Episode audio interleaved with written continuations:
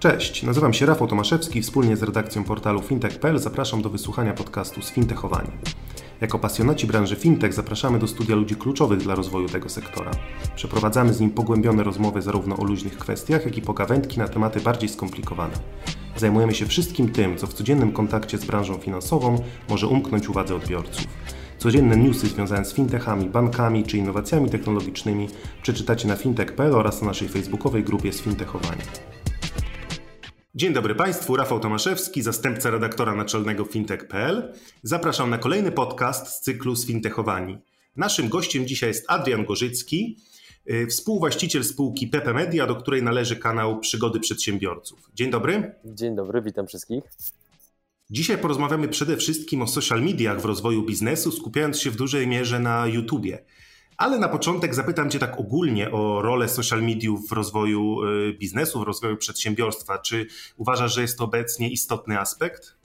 Odpowiem w ten sposób. Nie znam ani jednego przypadku firmy, a bardzo go poszukuję, żeby takie case study również w swojej kolekcji mieć.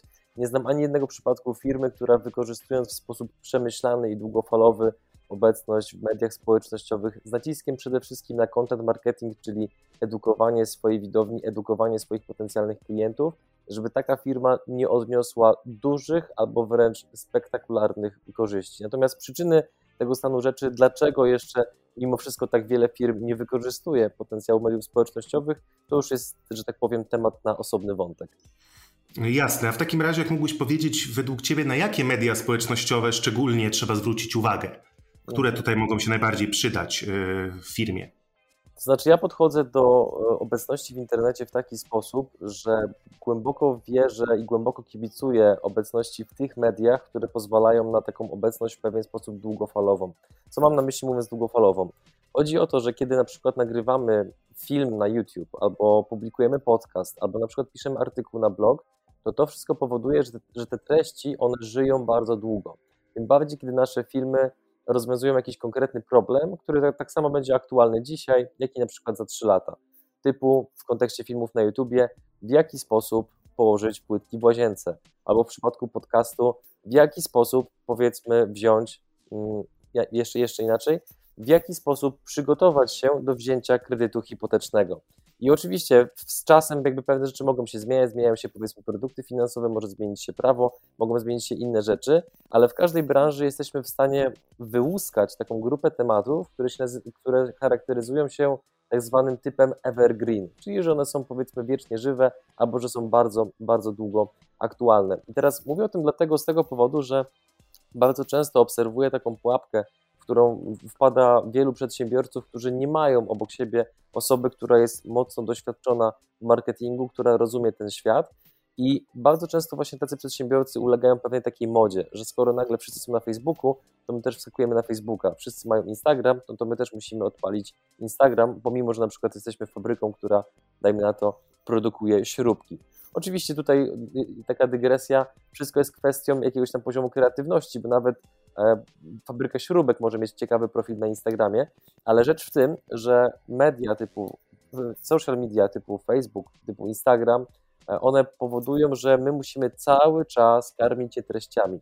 Z tego powodu, że specyfika ich działania polega na tym, że ludzie, którzy wchodzą na te media, oni sprawdzają, co się dzieje na tablicy, na, na, na ich głównym tak zwanym wallu mało, rzadko kiedy się zdarza coś takiego, że ktoś wchodzi na Facebooka albo na Instagram i nagle z poziomu wyszukiwarki wyszukuje profile, którymi ta osoba się interesuje i sprawdza, co u nich słychać. To ta mechanika aż tak nie działa.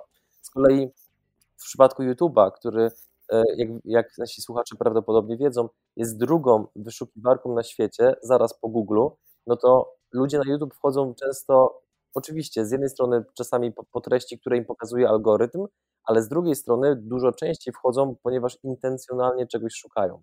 Na przykład właśnie tego, w jaki sposób położyć płytki w łazience, albo na przykład, co jest istotne przy zakupie instalacji fotowoltaicznej.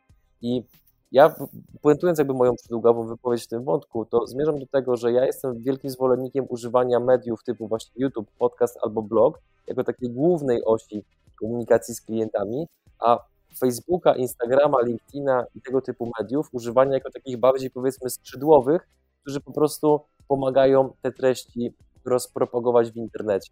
Więc koncentracja z mojej strony jest na tych obszarach, gdzie jest właśnie możliwość takiego intensywnego działania content marketingowego, co potem pozwala długo, długo żyć treścią, a pozostałe właśnie takie kanały mediów społecznościowych raczej jakby nie, nie są dla mnie aż tak istotne, między innymi z tego powodu, o czym również nasi słuchacze prawdopodobnie słyszeli nieraz, czyli że Facebook konsekwentnie obniża, obcina zasięgi organiczne, między innymi po to, żeby zmusić chociażby firmy, które są obecne na, na Facebooku do tego, żeby więcej płaciły za reklamę, ponieważ jak wszyscy prawdopodobnie wiemy, Facebook jest spółką giełdową, a wiadomo, że spółka giełdowa ma akcjonariuszy, a akcjonariusze ponad wszystko kochają zysk, a zysk bierze się z reklam, które Facebook wymusza na swoich użytkownikach.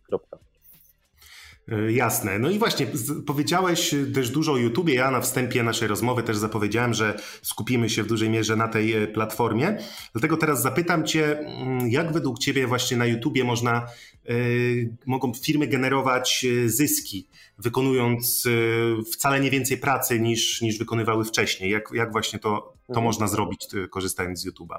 Przede wszystkim należy zacząć od zmiany pewnej optyki w swojej głowie, która polega na tym, że kiedy jesteśmy przedsiębiorcą, który ma 35-40 lat i mamy powiedzmy już dziecko, a dwójkę dzieci albo więcej, no to bardzo często ten YouTube jest wykorzystywany, żeby na przykład tam pokazywać różnego rodzaju bajki bądź do słuchania muzyki, czyli taka powiedzmy szeroko rozumiana rozrywka z jakąś tam odrobinką edukacji, jeżeli dobieramy właściwe bajki. Ale rzecz jest właśnie taka, że na YouTubie według centrum prasowego, oficjalnego centrum prasowego YouTube w Polsce, to dominującą grupą wiekową na YouTube są ludzie między 25 a 45 rokiem życia.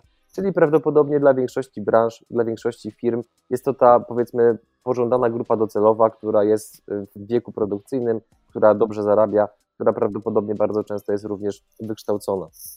I rzecz jest taka, że musimy sobie uświadomić, że YouTube to nie jest tylko i wyłącznie rozrywka, to nie są tylko i wyłącznie filmy dla dzieci. Musimy też spojrzeć na to, w jaki sposób my sami korzystamy z YouTube'a.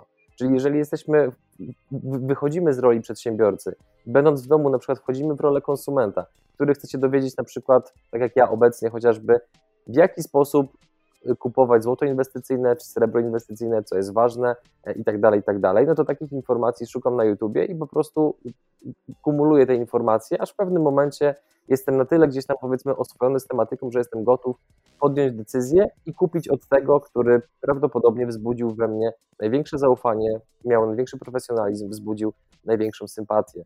I teraz w momencie, jeżeli my jako konsumenci szukamy różnego rodzaju informacji na YouTubie, a badania pokazują, że kiedy mamy do wyboru posłuchanie albo inaczej obejrzenie recenzji jakiegoś produktu versus zwyczajne poczytanie o nim, to 96% osób wybiera wideo. Z tego powodu, że po prostu mamy dzięki temu dostęp do większej ilości informacji, bo zwyczajnie widzimy i słyszymy to, co za chwilę zamierzamy kupić. No i teraz ja nie znam firmy, przynajmniej na razie, bądź branży, która nie byłaby w stanie wykorzystywać YouTube'a do swoich celów.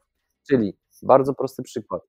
Jeżeli mamy powiedzmy pewną, jeżeli mamy klientów, działamy już od pewnego czasu, to bez żadnego problemu jesteśmy w stanie usiąść sobie przy biurku, wziąć kartkę i długopis i wypisać na przykład 5 albo 10 najczęściej zadawanych pytań przez naszych klientów. I teraz, kiedy sobie pomnożymy, ile my sami, bądź nasi pracownicy w ciągu miesiąca inwestują czasu po to, żeby nowym klientom tłumaczyć te same rzeczy, i nagle sobie uzmysłowimy, że to wszystko możemy bardzo mocno ukrócić i zoptymalizować, chociażby po to, że nagramy jeden bądź kilka filmów odpowiadających na te najczęściej zadawane pytania, to nagle naszym pracownikom dajemy niesamowite narzędzie, które ułatwi ich pracę. Bo kiedy znowu się do nich odezwie tego samego dnia kilku klientów z bardzo podobnymi pytaniami, to pracownik zamiast płacić 15, 20, 30 minut na każdego z nich, bez gwarancji, że on ostatecznie kupi, może po prostu uprzejmie zaproponować film, gdzie to wszystko jest jasno i klarownie wytłumaczone i potem, kiedy klient faktycznie jest zainteresowany, to żeby umówił się na rozmowę.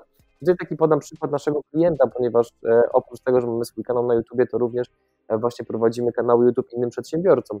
Mam, jednym z naszych klientów jest klinika ortopedyczna w Szczecinie. Oni zauważyli taką zależność, że jeżeli ich pacjent, który przychodzi na wizytę do lekarza, jest, że tak powiem, YouTube'owy, czyli miał styczność z ich kanałem YouTube, z ich treściami, filmami, które są tam publikowane, to taki pacjent średnio na wizycie jest 15 minut. Pacjent nie YouTube'owy jest godzinę. Jak teraz sobie przemnożymy te różnice przez ilość możliwych pacjentów do obsłużenia w ciągu dnia, przez stawkę, jaką mają lekarze na, na godzinę, przez tydzień, przez miesiąc, przez rok, nagle się okazuje, że bardzo drobnym mechanizmem generujemy tak potężne oszczędności, a tym samym tak duże zyski, że to jest aż ciężkie do wyobrażenia. Więc jakby puentując tutaj moją wypowiedź, jednym z właśnie z możliwości jest chociażby nagrywanie najczęściej zadawanych pytań przez naszych klientów. Potem kolejną opcją jest na przykład nagrywanie wideoreferencji, które wciąż ma naprawdę znikoma ilość firm, ponieważ mówiąc wprost, one są zwyczajnie trudne do zdobycia, aczkolwiek nie jest to niemożliwe, żeby to zrobić. Dzięki temu tak naprawdę wchodzimy na platformę, na której jest około 21 milionów użytkowników. Dominująca grupa jest między 25 a 45 lat, a najlepsze w tym wszystkim jest to, że waszej konkurencji, drodzy słuchacze, prawdopodobnie tam nie ma, ponieważ ta platforma jest w pewien sposób trudniejsza niż Facebook i Instagram, w mojej ocenie, ale jest to jednocześnie moim zdaniem jej największa zaleta, ponieważ jeżeli waszej konkurencji trudno będzie tam wejść z wielu różnych powodów, tym samym wy będziecie dłużej korzystać po prostu z piękna tak zwanego błękitnego oceanu marketingowego, jakim jest YouTube. Wspomniałeś właśnie, że YouTube jest y, trudniejszą platformą od Facebooka czy od Instagrama, więc jakbyś mógł powiedzieć, jakie błędy najczęściej popełniają przedsiębiorcy, którzy zakładają kanał na YouTubie, jak unikać tych błędów? Mhm, jasne. Jednym z takich podstawowych błędów e, jest, e, to jest takie szumne słowo, które mam wrażenie jest troszeczkę nadużywane, ale zdecyduje się mimo wszystko go użyć. Jednym z takich podstawowych błędów jest brak przygotowanej strategii obecności na YouTubie. I teraz, jak słyszymy słowo strategia, to niektórym z nas może się to kojarzyć od razu z jakimś takim potężnym sztabem specjalistów, który w przeszklonej sali konferencyjnej będzie przez 8 godzin zastanawiał się, jak tego YouTube'a podbić. A to właśnie nie chodzi w ogóle o taki rodzaj strategii. Oczywiście, jeżeli ktoś ma czas, ochotę i zasoby, żeby to w takim kierunku poszło, to nie ma żadnego problemu, ale w mojej ocenie w początkowej fazie to jest troszeczkę celowanie z armaty do wróbla. Bo mm, przede wszystkim należy, należy zadać sobie pytanie, o czym będzie moich pierwszych 10 albo 20 odcinków. Bo trzeba pamiętać, że zaczynając, że wprowadzając swoją firmę na YouTube, nie wiemy, czego nie wiemy. To powoduje, że będziemy się uczyli bardzo, bardzo na bieżąco, w sposób taki troszeczkę iteracyjny. A w momencie, kiedy przygotujemy jakąś taką bardzo skomplikowaną, złożoną strategię, która będzie tutaj będzie miała rozpisane pomysły na odcinki na cały rok, to może się okazać, że ta praca po pierwszych tygodniach pójdzie w ogóle do kosza, bo na przykład po analizie chociażby komentarzy naszych widzów będziemy widzieli, że powinniśmy iść w zupełnie innym kierunku, ponieważ my zakładaliśmy, że będziemy tutaj ciągle powiedzmy od kulis pokazywali, w jaki sposób e, odbywa się produkcja śrubek, a nasi klienci okazuje się, że, że chcą na przykład, żebyśmy pokazywali filmy, jak te śrubki już są montowane w różnego rodzaju powiedzmy urządzeniach czy maszynach w różnych kontekstach, w różnych branżach. Więc przede wszystkim zacząłbym od tego, żeby właśnie spisać sobie strategię na najbliższych 10-20 odcinków i skonsultowałbym to przede wszystkim tutaj z, ze swoim zespołem, jeżeli takowy posiadamy, żeby każdy dołożył swoje trzy grosze, ponieważ dzięki temu nagle YouTube staje się takim narzędziem, które wszyscy wspólnie rozwijamy, a nie, że jest to powiedzmy fanaberia szefa, żeby właśnie tutaj pozyskiwać jeszcze więcej klientów, więc jakby to jest, to jest pierwsza rzecz. Druga rzecz jest taka, że bardzo często jest taki mechanizm robiony, jakby za, zaobserwowałem, zwłaszcza u przedsiębiorców, którzy akurat są w sytuacji, w której mają powiedzmy większe ilości luźnej gotówki, że bardzo szybko właśnie dokonują zakupu jakiegoś swojego sprzętu i tak dalej. No i to najczęściej się odbywa w ten sposób, że właśnie wchodzą sobie na jeden czy drugi powiedzmy film albo artykuł opisujący właśnie jak, jaki sprzęt wybrać, jaki sprzęt kupić, potem szybko wchodzą na jakąś porównywarkę cenową, wybierają najlepszą opcję, przychodzi paczka, otwierają paczkę, czują zapach tego cudownego plastiku prosto z Chin i teraz zaczynają się schody. No bo tak, tego sprzętu trzeba się nauczyć obsługiwać, e, trzeba mieć jakąś przygotowaną scenografię, potem to wszystko trzeba nagrać, zmontować i tak dalej. I do czego zmierzam? Do tego, że jeżeli chcemy w ogóle sprawdzić, czy YouTube jest dla nas, bo to też, żeby było jasne, ja tutaj nie jestem takim ewangelistą tego typu, który mówi e, albo YouTube, albo śmierć. No bo to absolutnie uważam, że tak, tego typu radykalne podejście w dowolnym medium w internecie po prostu jest, uważam, niewłaściwe, naiwne i niedojrzałe. Więc jeżeli chcemy w ogóle sprawdzić, czy YouTube jest dla nas, to zachęcam do tego, żeby po prostu użyć na początek w ogóle swojego smartfona.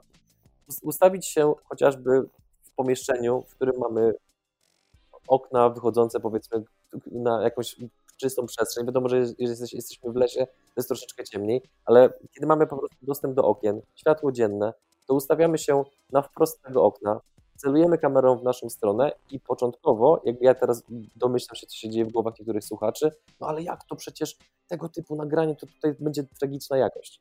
Momencie, do tego właśnie zaraz dojdziemy. Ustawiamy sobie ten telefon, powiedzmy na parapecie, nagrywamy jakiś próbny odcinek, który nawet niech trwa 2, 3 albo 5 minut. Nadrzędnym elementem tego odcinka jest to, aby on w pewien sposób służył naszym klientom, żeby on odpowiedział na jakieś ich pytanie, na jakiś problem, na jakąś obiekcję, rozwiał jakąś obawę. Potem ten film, zamiast go montować, obrabiać i tak dalej, wysyłamy na przykład do naszych obecnych kilku klientów, pięciu czy dziesięciu, którym w pewien sposób ufamy i, którzy, i którzy wiemy, że powiedzą nam prawdę, prosimy ich o szczery feedback. Czy w ogóle taka forma ma sens, czy to, co, czy to, co powiedzieliśmy, było ciekawe, czy to było przydatne i tak dalej.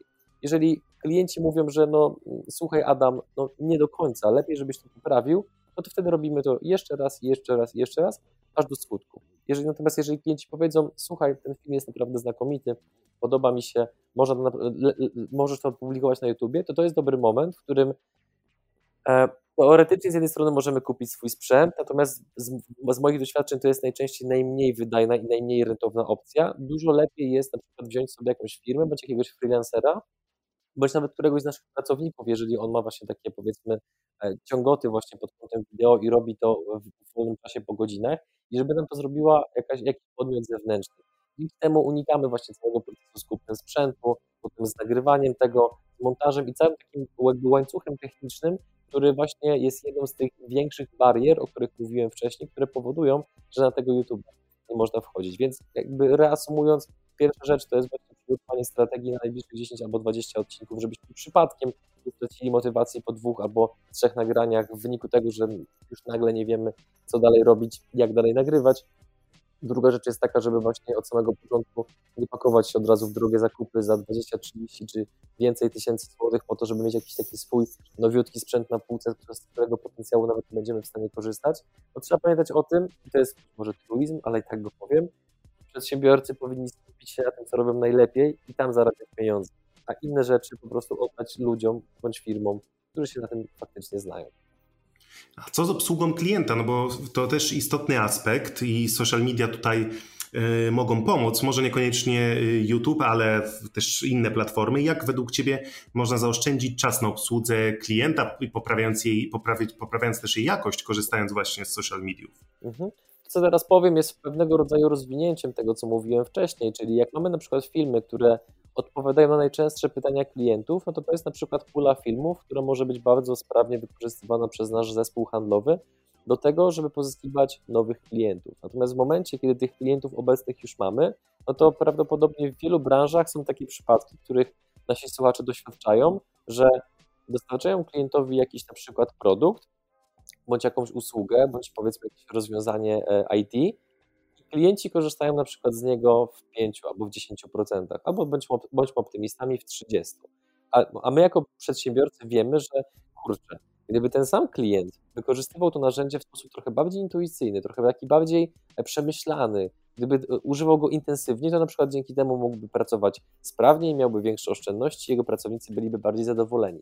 Czyli w tym przypadku właśnie jesteśmy w stanie na przykład nagrać kilka filmów dla naszych klientów pokazujących, jak obecny produkt, który już mają, jak właśnie się nim posługiwać, jak go używać, żeby on miał powiedzmy maksimum wydajności cały czas. Hipotetycznie, teraz jest to bardzo modny temat, mamy instalację fotowoltaiczną.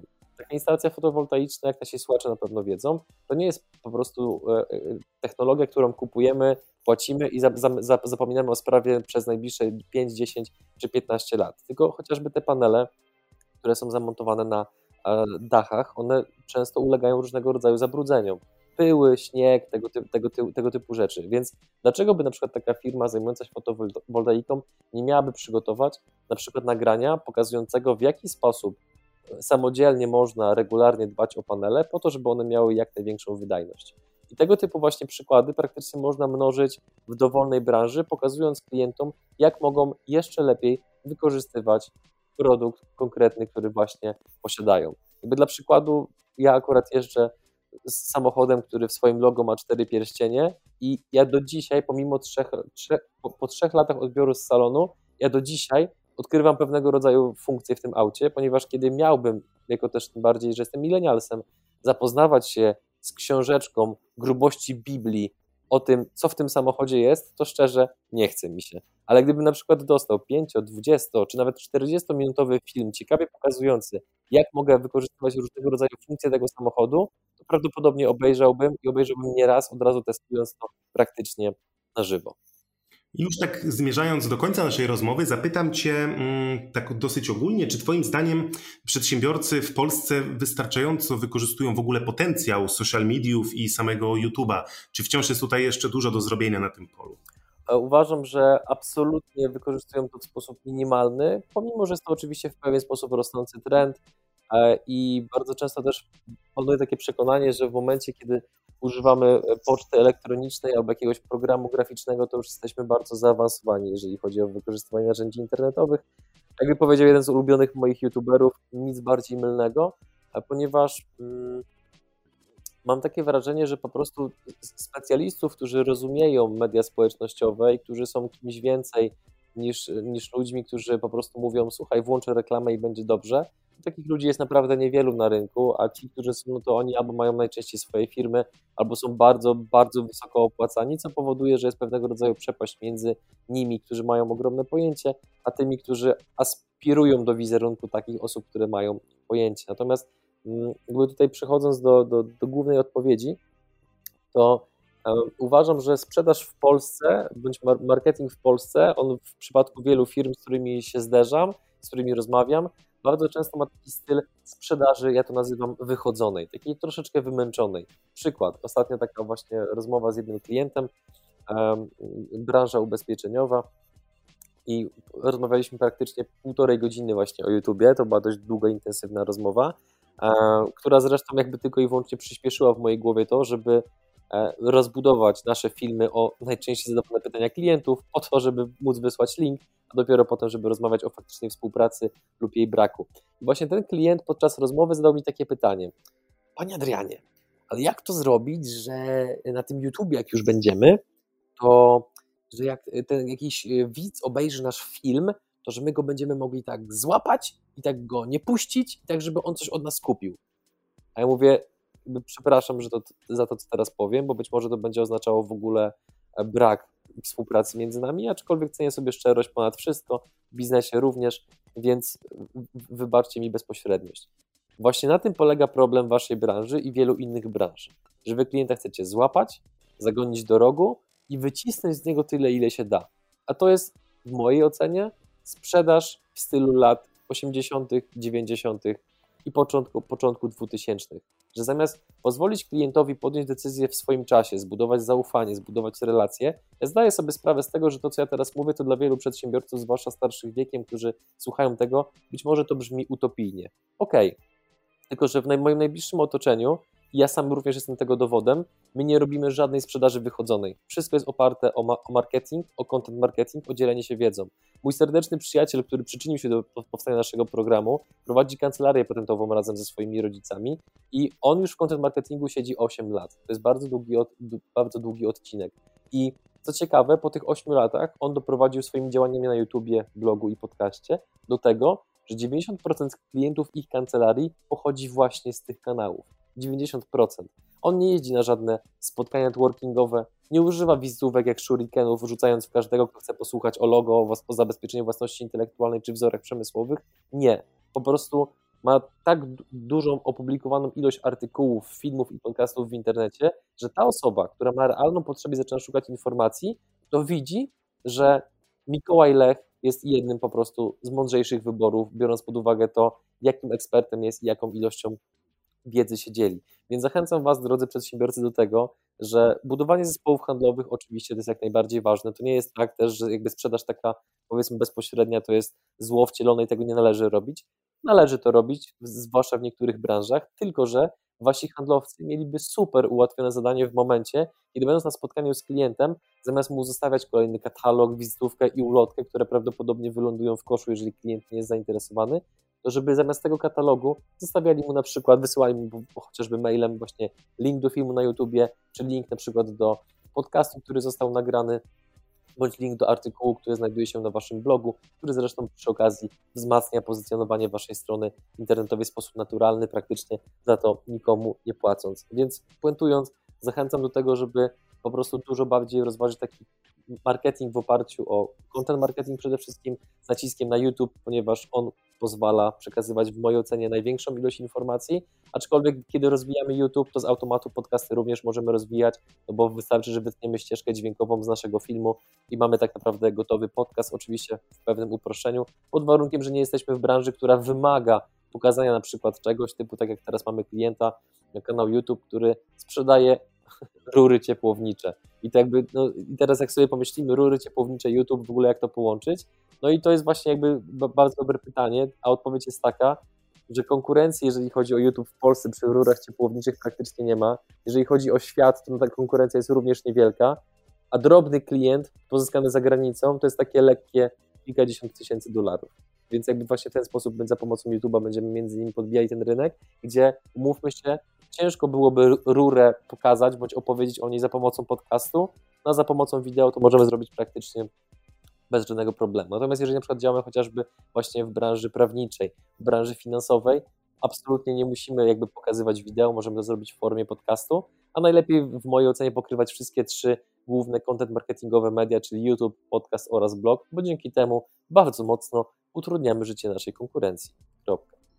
I myślę, że na tym możemy zakończyć naszą rozmowę. Gościem podcastu fintech.pl był Adrian Gorzycki, współwłaściciel spółki Pepe Media, do której należy kanał Przygody Przedsiębiorców. Dziękuję za rozmowę. Dziękuję za uwagę, do widzenia. Ja nazywam się Rafał Tomaszewski i zapraszam na kolejną audycję już wkrótce. Thank you.